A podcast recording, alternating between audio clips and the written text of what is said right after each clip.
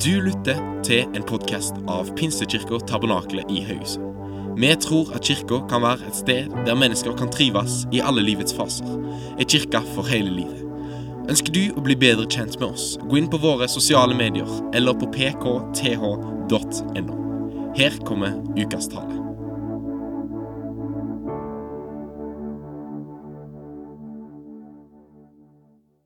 Hvis du har Bibelen med deg, så kan du finne fram til Peters første brev. Jeg har veldig mye ekko bak meg, Daglias. Er det monitoren? Kan jeg bare flytte den? Takk. Sånn. Da er det litt bedre. Så fint. Hvis du har Bibelen, så skal vi lese noen vers fra Peters første brev, eh, kapittel 5. Så den teksten som vi skal se på i dag, det er en tilleggstekst til serien som vi har vært i. Så Vi har jo vært i første kongebok. Um, vi har sett på Elie de siste gangene. Så når vi runder av serien nå, så tar jeg et par nytestamentlige tekster som kaster litt lys på uh, det som vi har snakket sammen om denne høsten. Um, og det er jo sånn når jeg tror antagelig at du også har den opplevelsen, men at når jeg leser Bibelen, og det kan ikke, alltid, men ganske så ofte når jeg leser Bibelen for meg sjøl, så opplever jeg at Bibelen er utrolig mange ganger relevant i forhold til mitt eget liv. Altså Ikke det at jeg har søkt etter eller letet fram til noe som handler om hvor jeg er i livet mitt her og nå, men det er rart og det er underlig og kanskje ikke så underlig at når vi åpner denne boken og vi leser fra den, så opplever vi ja, men det, det, treffer meg jo. Det, det, taler inn i det jeg står i, det svarer noen spørsmål som jeg har. Og det er noe vidunderlig med den dybden som fins i Bibelen, hvor Den hellige ånd vet hva vi trenger til enhver tid. Så jeg bare tenkte på det. Liten oppmuntring nå igjen inn i, inn i denne måneden her. og med alt det som skjer. Husk å ta tid i Bibelen, husk å ta tid alene med Herren, husk å ta tid i bønn. Husk å la ordet berøre ditt liv og hjelpe deg. Det er ingenting som er bedre enn det. Men da skal vi lese fra vers 1 til og med vers 11 i Jesu navn. 1. Peters brev, kapittel 5. De eldste blant dere formaner jeg jeg som er en medeldste og et vitne om Kristi lidelse, og en som også har del i den herligheten som skal åpenbares. Folk den Guds jord som er blant dere, og gjør tjeneste som tilsynsmenn, ikke av tvang, men frivillig. Ikke for skammelig vinnings men med iver. Heller ikke som om dere er herskere over dem som er tildelt dere, men ved å være forbilde for flokken. Og når overheden åpenbare, skal dere få ærens uvisnelige krone. På samme måte skal dere unge underordne dere de eldste. Ja, dere skal alle underordne dere hverandre og ikle dere ydmykhet. For Gud står de stolte imot, men de ydmyke gir han nåde. La dere derfor ydmyke under dere Guds mektige hånd, for at Han kan opphøye dere når tiden er inne. Kast alle deres bekymring på ham for han har omsorg for dere. Vær edrue, vær årvåkne for deres motstander, djevelen. Gå omkring som en brølende løve og søke noen han kan oppsluke. Stå ham imot, faste i troen, og vite at deres søsken rundt i verden utstår de samme lidelsene. Men må all nådes Gud, som kalte oss til sin evige herlighet ved Kristus Jesus, etter en kort stunds lidelse diktiggjøre, grunnfeste, styrke og befeste dere. Ham tilhører æren og herredømme i all evighet. Amen. Fader, vi takker deg igjen for at du er her. Takk at det er sant, det vi synger. Det er sant, det ditt ord sier, at det hvor to eller tre samles i ditt navn, der er du. Takk at du er her, Jesus. Takk at vi kan be nå om at ordet ditt skal bli åpenbart for oss. Kaste lys på våre stive mat til vår sjel. Hjelp oss å lytte og høre hva du vil si. Gi oss åpne og hungrige hjerter etter ditt ord. Vi ber om dette i Jesu Kristi navn. Amen. Og Peter han skriver til kristne kort, kort, han skriver til kristne som lever i en krevende tid. Punktum. Brevet er skrevet til kristne som lever i en krevende tid, som opplever lidelse. Og så skal han beskrive hvorfor det er verdt det som en kristen. Altså hvorfor, når vi går gjennom lidelse, så er det å være en kristen og det å eie Jesus, det er verdt den lidelsen som man går igjennom. Så har vi to bilder som han bruker i denne teksten. Han snakker om en sau eller sauer, og så snakker han om en løve. Sauer og løve. Så vi skal si litt om det bildet. Jeg går i en life-gruppe her i uh, Tabernaklet som jeg syns er veldig kjekt.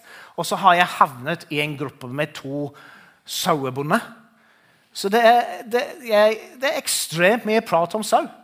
Altså, Jeg tror jeg aldri har lært så mye om sauer i løpet av denne høsten som jeg har gjort. Og det er rart med Tormod, som jeg er glad i, og Tormod som ledet møtet i dag.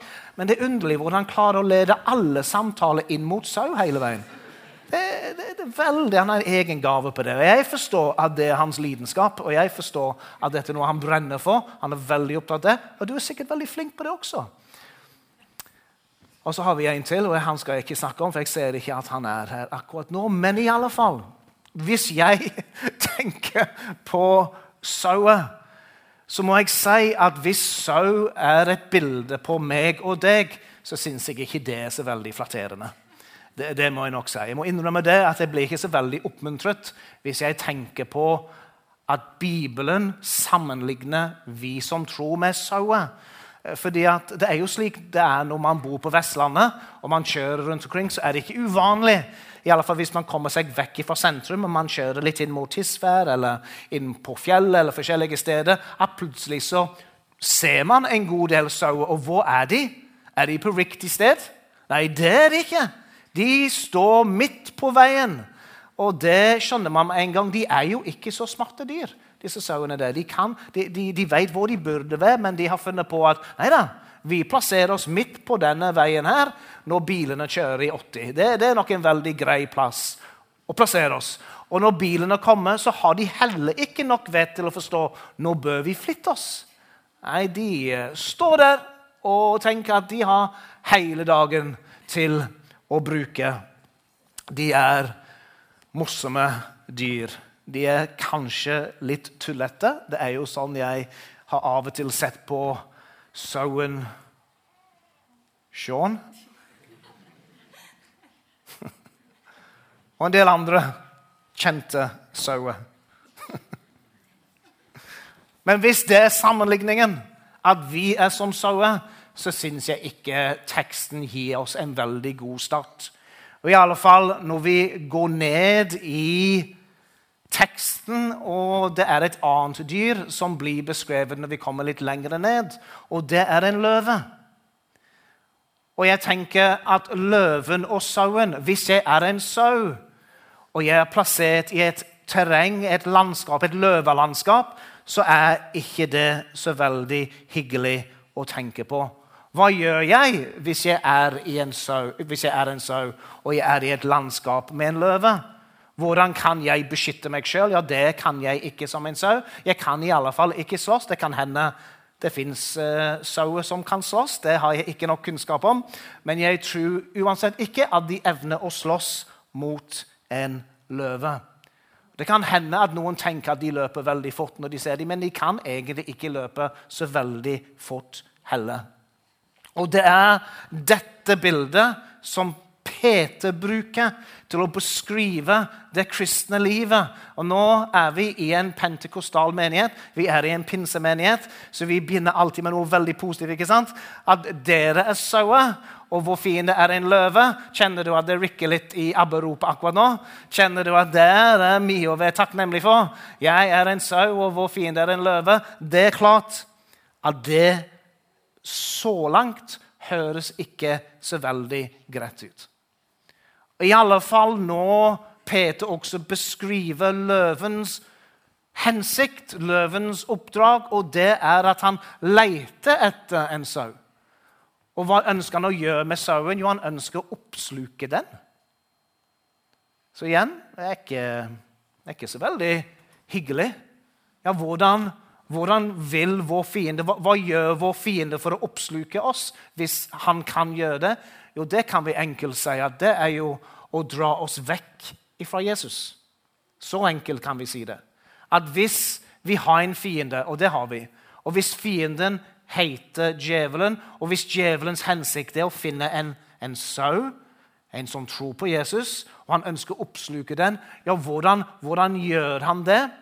Jo, Peter forsøker å si at han ønsker å bruke lidelse som du går gjennom. Du, du går gjennom lidelse, og det kan være på forskjellige måter. Ikke slik som de opplevde i 1. Peters brev, for her var det forfølgelse. Men du kan gå gjennom helseutfordringer, du kan ha uh, mental helseutfordringer. Du kan gå gjennom et relasjonssammenbrudd. Det, det, er mange ting som vi kan gå gjennom, som vi kan beskrive som lidelse i dette livet. Og Så forsøker Peter å fortelle oss at når vi går gjennom lidelse, så har vi en fiende.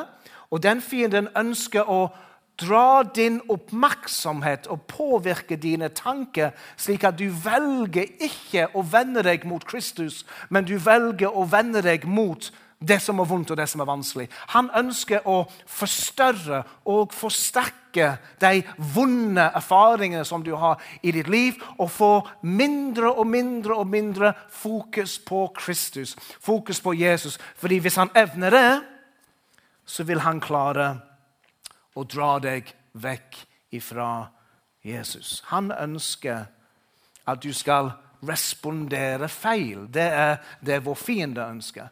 Han ønsker du skal respondere feil når du går gjennom lidelse. Så kan du sette ditt eget ord på hva det betyr for deg i forhold til lidelse. Det, det er det så mangt. Men han ønsker jo at du skal ta feil valg. Og de valgene er ofte valgene som vil over tid, ikke nødvendigvis med det første, men over tid dra deg vekk ifra Jesus. Så Det er det virkelighetsbildet som Peter gir oss. At vi er sauer, og vi har en fiende. Og den fienden er virkelig, den er reell. Det er ikke bare et billedlig, figurativt fiende vi har, men det fins en åndelig fiende. Og hans ønske er å oppsluke deg. Og det betyr at han vil dra deg vekk ifra Jesus. Og hva sier da Peter til sauer som bor i et løvelandskap? Da sier han noen enkle ting, og det første som han sier, og det er viktig, at du er ikke alene. Det er veldig viktig. Fordi at hvis du er en sau, så har du ikke så veldig store muligheter å overleve hvis du er alene. Fordi at Hvis du ser i teksten, så begynner han, og i min bibel så står det jord. Eh, kanskje det står flokk i. Det, de fleste oversettelser bruker ordet flokk. Men da skjønner vi at Peter skriver ikke til oss som enkeltindivider eller som enkeltkristne. Han snakker til en flokk, en, en gruppe av kristne. Og det er helt, helt avgjørende. At skal du overleve med din tro, og din tro skal vokse, og din tro skal blomstre, og du skal bli mer og mer lik Jesus, og du skal oppleve det meningsfullt å følge Jesus, så er det kristne livet ikke et kristne liv hvor du er alene hvor man isolerer seg, hvor man ikke trenger flokken. Nei, hele veien så er tonen gjennom Det nye testamentet er vi. Vi er sammen om noe. Vi trenger flere sauer. Når vi står sammen, så kan vi arbeide sammen, så kan vi stå sammen. Så er vi faktisk trygge når vi er i en flokk så skal jeg ikke snakke for mye om det. i forhold til det bildet mer. Men det er jo den forståelsen som Peter forsøker å formidle til oss. At skal vi, skal vi åndelig klare oss, så trenger vi hverandre. Kan jeg få en annen på det? Skal vi klare å vokse i troen, så trenger vi hverandre. Da begynner han med et ord, og, og der han begynner Kanskje du har hørt det preg på en annen måte, men jeg, jeg mener at det jeg sier nå, er det som menes med teksten. Um, så, så, heng bare med. For han snakker til tre forskjellige grupper mennesker. Og Da begynner vår tekst med å si 'til de eldste'. Og Det er der jeg mener dette er ofte misforstått. fordi at veldig mange leser da denne teksten i forhold til et, et, et eldsteråd, en, en gruppe åndelige ledere i en menighet. Men det greske ordet som brukes her, er jo et ord som handler om alder generelt. Også når vi leser videre i forhold til andre grupperinger, så ser du at det er på en måte en, en, en, en, dynamikk mellom generasjoner som det tales til. Så det han skriver til, det er eldre mennesker. De som har hatt flere bursdager enn andre. Ja, Det er en enkel måte å si det på. Så hvis du har mange, mange, mange, mange, mange bursdag, så er du innenfor denne gruppen her. Og Det er helt klart at det inkluderer selvfølgelig også mennesker som har åndelig lederskap eller åndelig rolle eller ledelsesrolle. Det er det helt sikkert. Men det er disse menneskene som Peter skriver til, og Peter sjøl definerer seg innenfor dette. At han er også en, en, en medelse, en av de som også er litt eldre. Og så bruker han da De eldste blant dere formaner jeg, jeg som er en medeldste og et vitne om Kristi lidelse, en som også har del i den herlighet som skal åpenbares.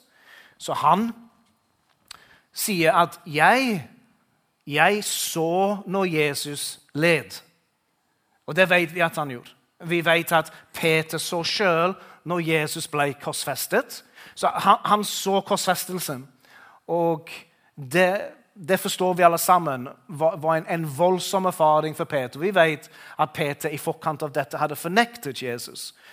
Men vi vet også at det stopper ikke det, fordi at Peter også så når Jesus hadde stått opp igjen, når Jesus beseiret døden. Så han, han så den oppstandende Jesus. Og Han forsøker da å begynne med å si at hvis du skal møte lidelse, hvis du skal møte lidelse på en god måte, så må du huske, minne deg sjøl om at Jesus led, men han ble også herliggjort. Han led for en grunn.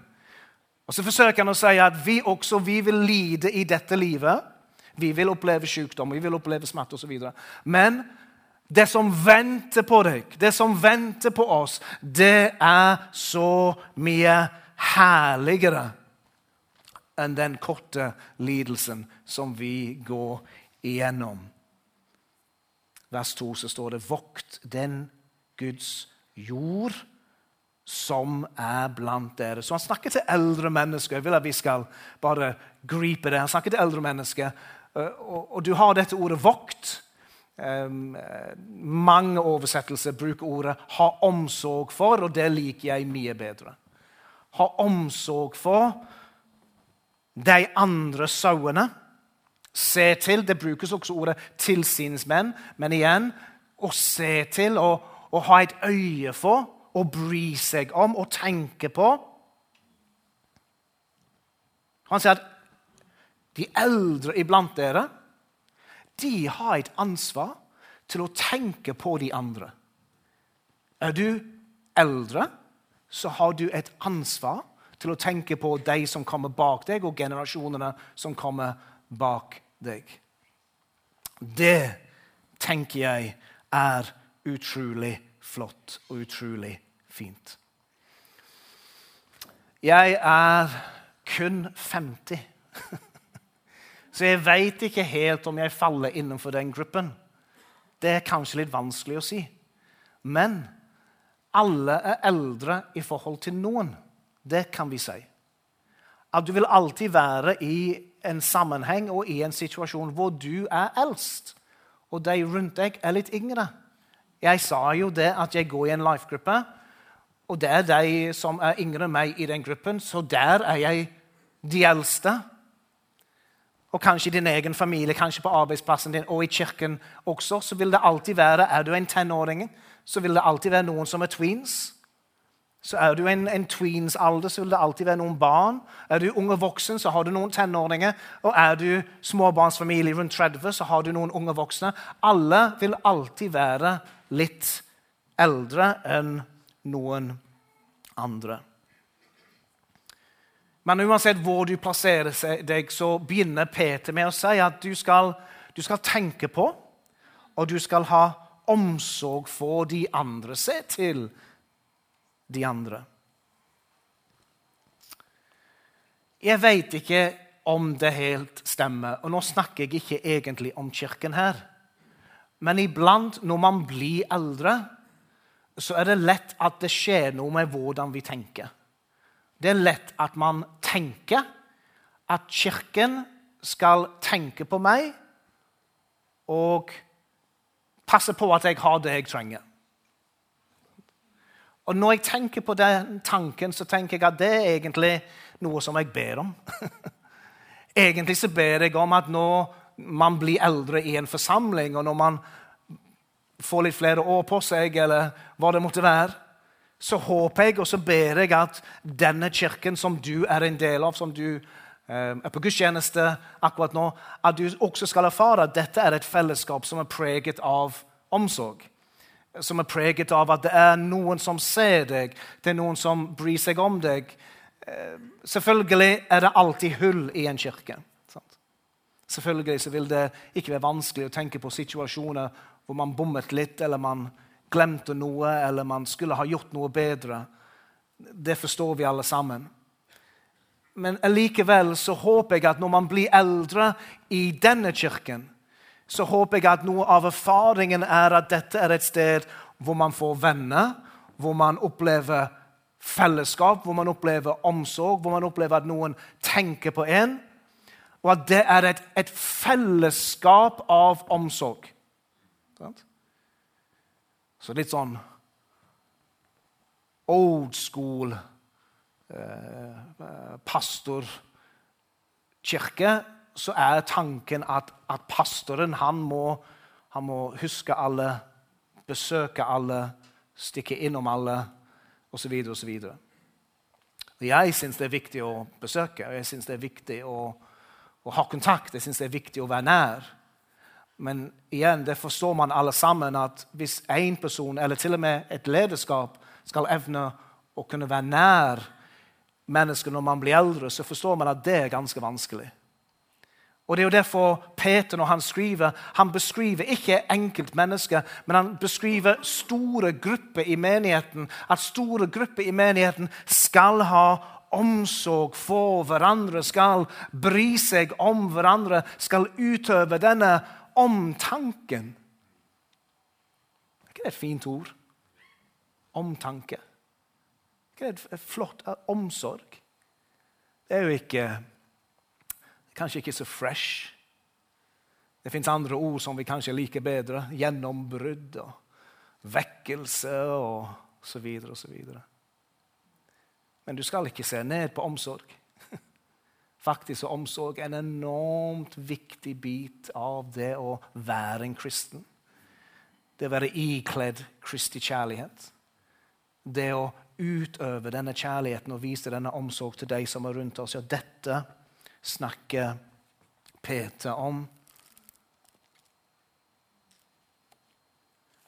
Altså, Vokt en Guds jord som er blant dere, og gjør tjeneste som tilsier. Men også snakker han om det som om det er et privilegium. Og det er veldig viktig. Altså Det å utøve omsorg, det å utøve at man bryr seg, det å ta en telefon, det å invitere noen på kvelds, det å ha en middag sammen, det å ta en kaffe på kafé ute i byen sammen, det å være i en gruppe, i en life-gruppe Det er et privilegium at jeg får lov til å være nær noen andre at jeg får lov til å vise omsorg til noen andre. Er, og da gir han på en måte tre fristelser som vi kan møte på i møte med dette. Tre fristelser som man kan møte på når man følger Jesus, og når man skal være en del av en kirke. Det er privilegiet. Vi skal ha omsorg. Omsorg, selvfølgelig, handler ikke om å være sjef etter, det handler ikke om å være selvisk, det handler ikke om å få ting som jeg ønsker.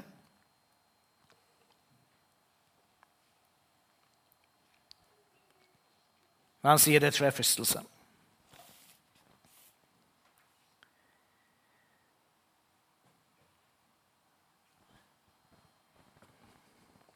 Han skriver at når vi skal utøve omsorg, så skal vi ikke gjøre det av tvang, men frivillig. Så det er en fristelse når vi følger Jesus, at vi begynner å snakke i, i begrep som må. Jeg må gjøre dette. Jeg bør gjøre. Kanskje tvang er et ord som ikke vi hadde brukt så mye, men i alle fall at det er mer plikt. Det er mer plikt enn det er glede. Det er mer plikt enn det er privilegiet. Og han snakker da om dette. Altså, når det er plikt, og når det er tvang, så det er lett når vi snakker, at det er lett å, å kritisere, det er lett å se ned på andre. Det er lett at vi ser kun det som er vanskelig. Men han sier når vi, når vi skal vise omsorg for hverandre, så er det ikke fordi vi må men vi får lov til. Og her i kirken her, så er det mange som viser omsorg på veldig mange forskjellige måter. Det er mange som viser omsorg til barn med at de er aktive i barnekirke eller aktive på speiderarbeid eller tweens. Eller med at man bryr seg om barnet. Det, er en måte å vise omsorg på. Det er jo andre som er flinke til å huske på folk. Ta en telefon, invitere på en middag, gå tur med. Det er en måte å vise omsorg på. Det er så mange forskjellige måter å vise omsorg på. Men han sier at det som skal prege vårt liv, er at vi skal ha omsorg ut ifra glede. Så er han ja, han bruker ordet iver, da, så det, det, er litt annet ord, men jeg bruker ordet glede. Så står det i vers 3 Heller ikke som om dere hasker over det. Nei, vi går litt bak. Han sier ikke for skammelig vinnings skyld. Jeg tror ikke det kan ha med penger, men jeg tror det er et, et bredere begrep. Jeg tror det er en bredere forståelse når det gjelder dette. Jeg tror det handler om igjen det handler om. Ikke for at jeg skal få ting som jeg vil ha det. Ikke slik at jeg kan sjefe det over noen andre. Ikke sånn at jeg kan bare bestemme noe. Ikke til egen vinning. Kan hende at det handler også om at man kommer på et sted hvor man opplever at Kirken skiller deg noe hvor, se, se, hvor lenge jeg har gitt, hvor lenge jeg har tjent, hvor lenge jeg har. Jeg har gjort så mye. Kirken skiller meg noe tilbake, nesten. Sant? Det kan handle om det. Det kan jo være at man får vanskelig tanke iblant når man tjener Jesus. Det kan jo hende at man kan nærme seg ikke nødvendigvis bitterhet, men ikke langt unna. Jeg har gjort så mye, men ingen har takket meg. Hva, hva får jeg igjen for det jeg har gjort? Det kan skje slike tanker. Vi kan få slike tanker også når vi er en del av en menighetsliv. Men vi følger Jesus. Så uansett alder, uansett situasjon, så er det slik at vi har ingen rett til noe. Vi tilhører Jesus. Og til og med Jesus, som er kongenes konge, han kom også for å tjene. Og så står det dette med at vi skal ikke haske over. Det er, kan være lett å være sjef etter. Jeg vet ikke om det er noen som har opplevd det. Det kan være lett å ønske å være sjef. Lett å sette ting på plass, sette noen på plass. Veit bedre enn. Men Peter han sier at vi, og da sier han vi som er eldre, og jeg plasserer meg i den aldersgruppen Vi skal ikke gjøre noe for vinnings skyld. Altså at det handler om oss. Eh, vi skal ikke haske. Jeg vil ha det som jeg vil ha det. Skjønner du ikke hvem jeg er? Forstår du ikke hvor lenge jeg har gått her? Mange ting man kan tenke på. Man sier nei, hei, vi skal heller være eksempler. Det er det Peter snakker om her. Heller ikke som om dere hasker over dem som er tildelt dere, men ved å være forbilde for flokken. Og Det er jo det Peter oppmuntrer oss alle sammen til. At når vi er en sau, saueflokk, eh, hvordan skal vi utøve omsorg? Jo, vi skal utøve omsorg ved at vi er forbilder. Og hva er vi da forbilde i? Ja, da er vi forbilde i raushet, i godhet, i vennlighet, i å vise Kristi kjærlighet. Det er jo disse bitene som Peter snakker om gjennom hele sitt brev, som han også oppmuntrer oss til. Som tildelt dere med å være forbilde for flokken. Og det er sånn at I vår menighet så har vi veldig mange forbilder. Um, jeg synes at Når jeg tenker på kirken her, så har vi mange eldre i forskjellige alder som jeg kan se opp til, og som jeg kan lære av. Og så er vi også en kirke hvor flere og flere blir eldre. Sant? Det er flere som nærmer seg pensjonistalderen. Det er flere som fortsatt er i jobb, men det er ikke lenge før de er i en annen fase av livet sitt. Så på den måten så opplever jeg også dette ordet er en, på en måte et, et profetisk ord. At når du hører jeg snakke om den gruppen, og din gruppe kommer snart, men når du hører jeg snakke om den gruppen, så kan du kanskje plassere deg utenfor dette. Nei, men dette handler jo ikke om meg. Men alle blir eldre. alle må bli rullet ut av sengen sin. Alle trenger hjelp til å gå.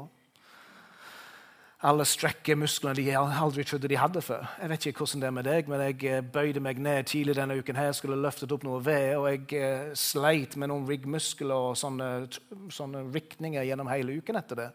Visste ikke det var noen muskler der engang. Det er veldig rart når man blir litt eldre. Sant? Så det er, det, det er, noen ting som du plutselig oppdager. Men alle blir eldre. Sant? Og når vi blir eldre, så kan vi møte på visse ting på en annen måte. Og så er Peter sin oppmuntring til oss når vi er i den, den, den, den tid av livet, så skal vi utøve omsorg. Vi skal være forbilder for de som kommer etter oss. Det vil si at når yngre mennesker ser oss, så skal det være noe med vårt Kristusliv, noe med vår tro, som er forbilledlig. Så det er jo ikke noe med med klærne våre, eller med musikksmaken vår, eller med kanskje matsmak. vet ikke Det er jo mange ting. sant? Men, men, det som yngre mennesker skal se hos meg og deg når vi blir litt eldre, det er noe med troen min som skal være det eh, de ønsker å lene seg inn. De skal lære av. Ta en god prat om. Ja, hva mente du med det? Hva har du lært om dette med bønn? Eller hva, hva vil du si om bibellesing? Og hva, hva, gjør du når du har møtt på fristelse før i livet? Og jeg tror at En sunn menighet er jo en menighet hvor generasjonene er såpass tette at de kan snakke sånn. Hvor det ikke er avstand mellom generasjonene, hvor de, hvor, hvor de type samtalene ikke fins. Men heller at det er naturlig å sitte sammen over en kopp kaffe og en prat og la trossamtale skje. Okay. Det andre gruppen som han snakker til, det er til de yngre. Så hvis du, er, eh, hvis du definerer deg i de yngre, så kan jeg få en halleluja på det. Noen trenger en, en virkelighetsorientering. Men, det kan hende. Ikke vet jeg, Kanskje du føler deg yngre, men det var ikke det jeg spurte om. Jeg spør ikke om du føler deg yngre, men den, den raden er grei. Og rad nummer tre dere er innenfor. Og så er det noen andre spredt rundt omkring her. Men det er fint. det er liksom, det er nesten, ikke sant? I dag er det nesten sånn at man har ikke lyst til å si at man er eldre. Sant? Det er nesten sånn, sånn en nedtur å si at man, man, man, man er eldre. Det, det, er et eller annet med tiden vår som forguder det ungdommelige. Men bikker du en viss alder, så er det et eller annet problematisk med det. Men slik snakker ikke Bibelen. Bibelen snakker heller om at alderen er, en, det er flott. Det er en fin tid. Peter han var antageligvis rundt 40 når han skrev dette brevet. Så han kunne kanskje ha Det sies det at uh, var du rundt 40, så ble du definert innenfor de yngre. Men hva er det han sier? Jo, han sier til de yngre På samme måte skal dere unge underordne dere de eldste.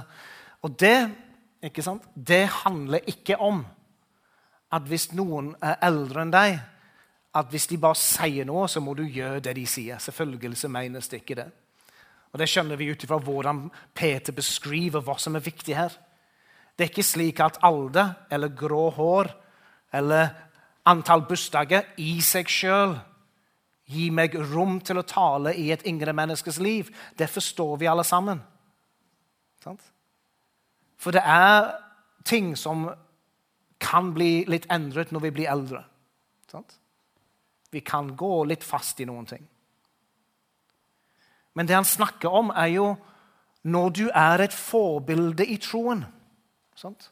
Når du, når du har vandret med Jesus, og når du har gått med Gud, og når du har bevart troen din, og når du har forstått noe om, om, identiteten i Kristus Du har noen vitnesbyrd om når du gikk gjennom noe, så, så sto dere fast i bønn, og Gud hørte bønnen, og Gud svarte.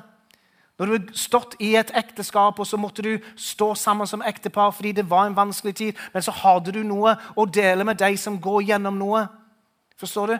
Dette handler om når du er et eldre menneske og du har noen rikdommer i Kristus. Er det noen som har det? Har du noen erfaringer i Gud? For det det ikke snakkes om her, det er kulturelle referanser. Det er ikke og, og, og, og, det sier jeg mildt og fint, for det gjelder meg òg. Det handler ikke om sangskattene våre. Det er ikke det som er poenget her. Og det handler ikke om det for meg heller. Jeg satt opp på kontoret rett før møtet i dag. Jeg hørte på noen sanger fra 90-tallet.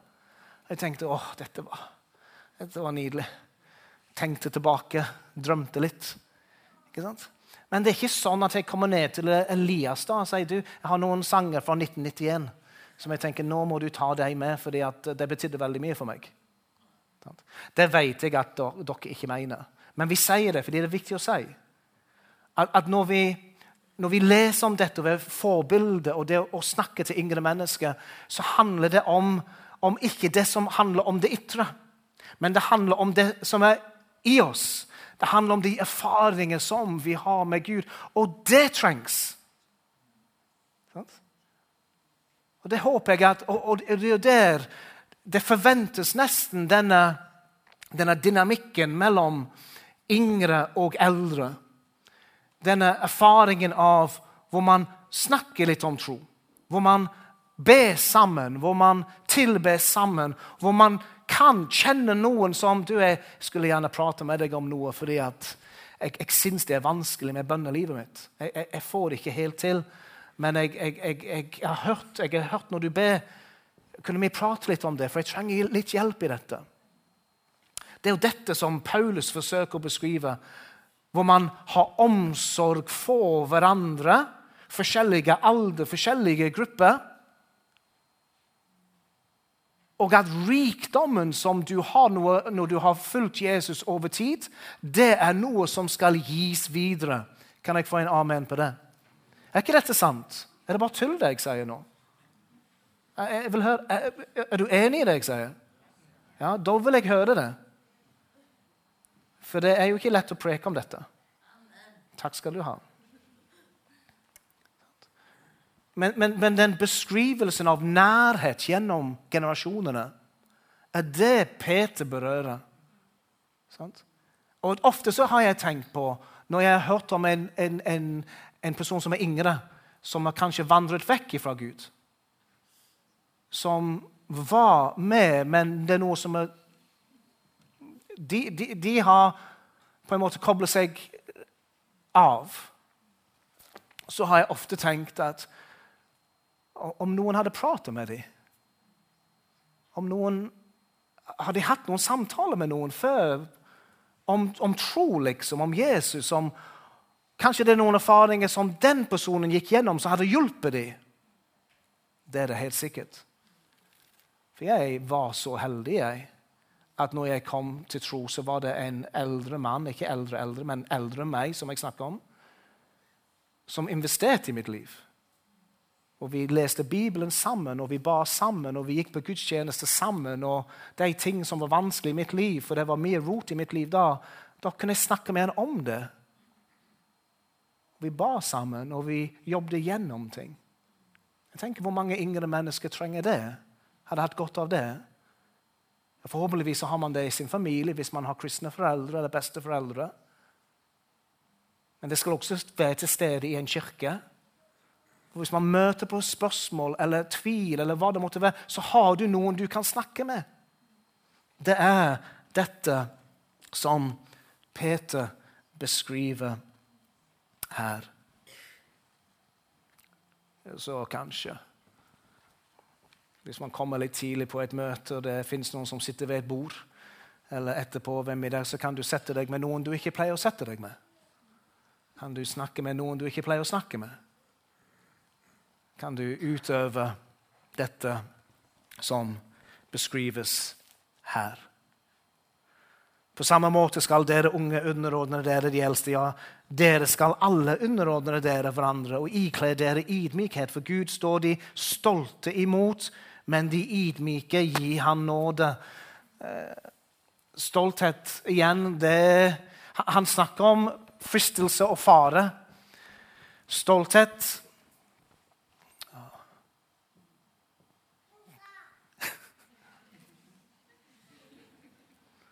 kan ransake mitt hjerte. Har jeg noe med stolthet i meg? Kan ransake mitt hjerte.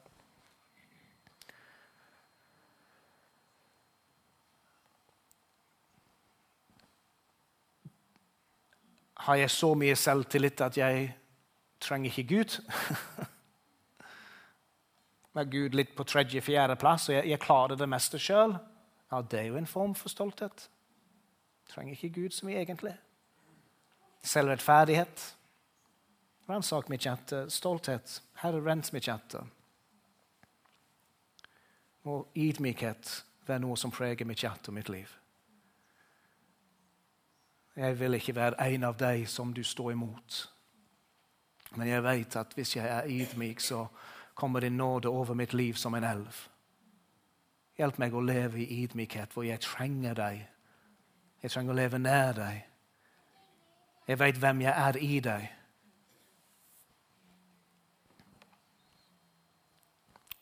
La dere derfor ydmyke under Guds mektige hånd, for at han kan opphøye dere om tiden er inne. Og kast alle deres bekymringer for han, for han har omsorg for dere. Det er Vi skal ha omsorg for hverandre.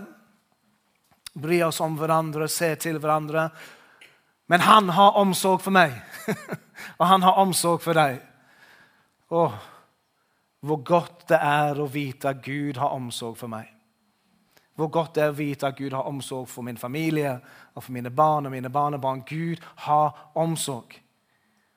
Også de gangene i livet hvor jeg kjenner jeg skulle gjerne erfart at mer av omsorgen i mitt liv, så er det fortsatt sant at Gud har omsorg for oss.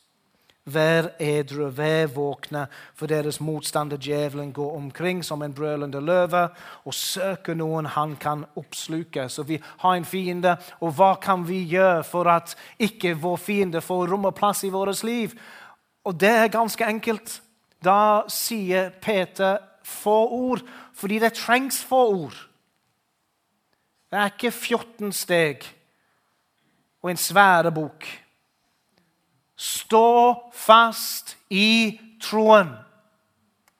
Man har en fiende. Han ønsker å dra deg vekk fra det kristne fellesskapet. Han ønsker å dra deg vekk fra Kristus. Hvordan kan du stå imot en løve når du er en sau? Du står imot en løve når du er en sau, med å stå fast i troen. Jesus, jeg tror på deg. Jesus, jeg holder ved deg. Jesus, jeg takker deg for dine løfter. Jeg står i din nåde. Helligånd, takk for din kraft, takk for ditt nærvær. Jeg står fast. Amen. Jeg trenger ikke å gjøre mer enn det. Jeg står fast i troen. Jeg skrev 'Fienden er feig'. Um, for det skal ikke mer til. Jeg trenger bare å stå fast.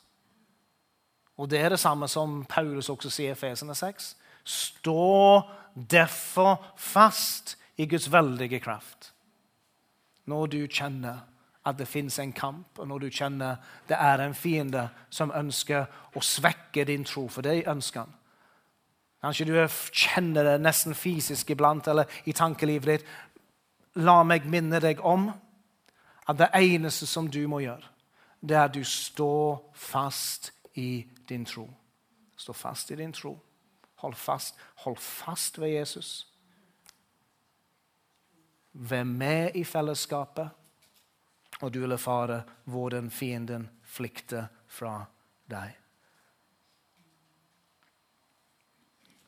Stå fast imot, fast i troen, og vite at deres søsken rundt i verden utgår, utstår de samme lidelsene. Ja, det er sant. Mange kristne i verden går gjennom reelle lidelser. Det er mange som opplever tøffe tak i å følge Jesus. Og det, på den måten så kan vi takke Gud for at vi har det så godt som vi har det. Men så avslutter han med dette fantastiske verset. Men må all nådes Gud, som kalte oss til sin evige herlighet ved Kristus Jesus, etter en kort, kort stunds lidelse, diktiggjøre, grunnfeste, styrke og befeste dere. Ham tilhører æren og herredømme i all evighet. Amen. Herre Jesus, vi takker deg.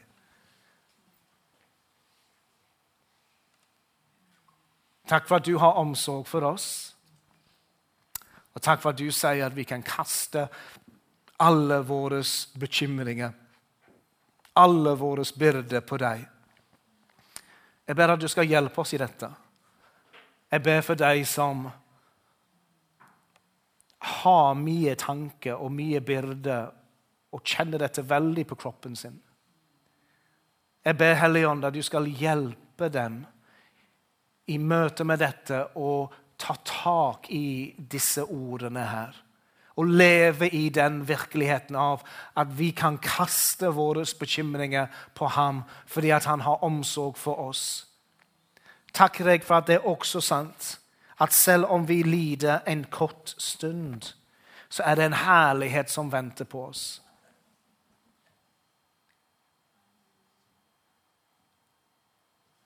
Takk for omsorgen som fins i vår menighet.